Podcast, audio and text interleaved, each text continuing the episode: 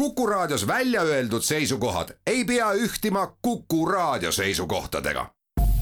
Te kuulate Kuku Raadiot.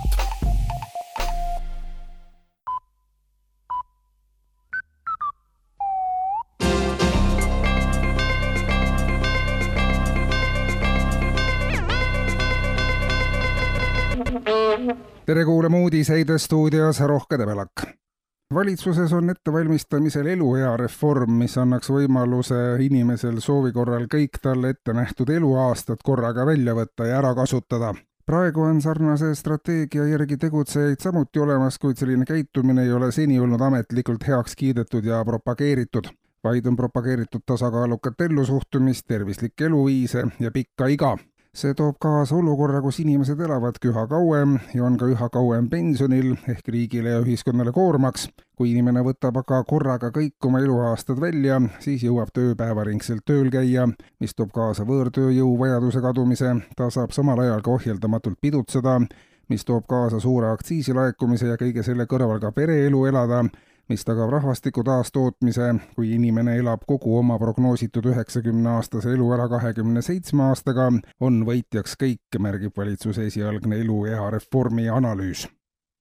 Veel on valitsus kinnitanud meditsiinivaldkonna arengukava, milles nähakse ette järk-järgulist üleminekut iseteeninduslikule meditsiinisüsteemile ühtegi meditsiiniasutust kavas ehitada või sulgeda ei ole, küll aga lahkub olemasolevatest personali igasse haiglasse, jääb tööle hooldusmeeskond, kes vastutab, et maja oleks soe, arstiriistad ja medikamendid saadaval ja vajalik kirjandus ja õppevideod raviprotseduuride ning keerulisemate operatsioonide tarbeks kiiresti leitavad ilma arstide ja õdedeta meditsiinisüsteem muutub järjekordade vabaks ja kiiresti kättesaadavaks ja vastavat teenust saavad patsiendile, kes ennast ise ravida ei suuda, osutada lähedased, sõbrad või töökaaslased.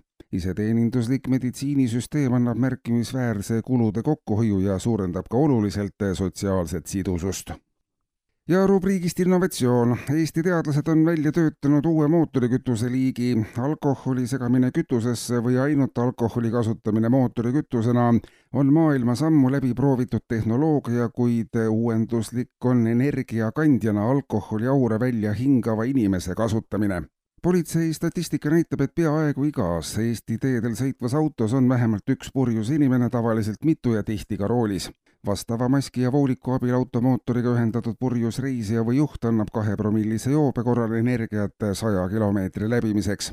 kui on suurem seltskond, siis katab see kogu sõiduvajaduse terve riigi piires. samuti leiavad kasutust need tuhanded alkohoolikud, kes seni on olnud ainult purjus ja mingisugust tulu sellest rahvamajandusele ei ole olnud. kui rajada alkoholiaurude kogumispunktid tanklatesse, võib uuest tehnoloogiast tõusta Eesti uus arengumootor ja kütust saab müüa ka riigist välja kuulsite uudiseid